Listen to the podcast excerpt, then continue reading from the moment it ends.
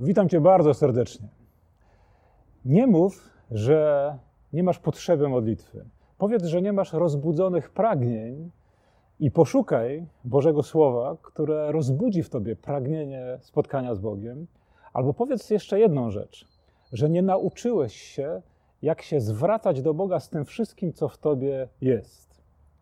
E, chcę powiedzieć dzisiaj o modlitwie strachem. Taki mój znajomy powiedział: Boję się, że zabije mnie mój własny egoizm, i przy okazji jeszcze będzie się trup e, wokół mnie.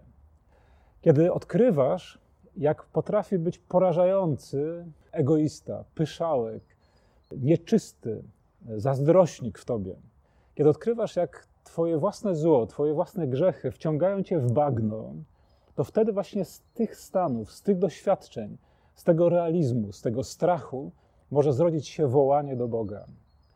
Wyrwij mnie z bagna, abym nie utonął, modli się psalmista. E, albo taki fragment: Zamiera we mnie serce, omdlewa moja dusza ze strachu, ze strachu, co będzie, jeśli nie przyjdzie interwencja Boga, który ocali mnie przed jakąś złowrogą siłą, którą w sobie odkrywam. Wyrwij mnie z bagna, abym nie utonął. Po prostu, kiedy odkrywam, że potrafię włazić gdzieś na obrzeża jakichś w ogóle takich mrocznych otchłani, które mogą mnie wciągnąć na samo dno. Kiedy odkrywam w sobie autodestrukcyjną siłę i wiem, że nie umiem tego własnymi mocami zatrzymać, wtedy właśnie jeśli skontaktuję się z tym strachem, strachem o życie, strachem o prawość, strachem o jakąś integralność wewnętrzną, mogę wołać do Boga.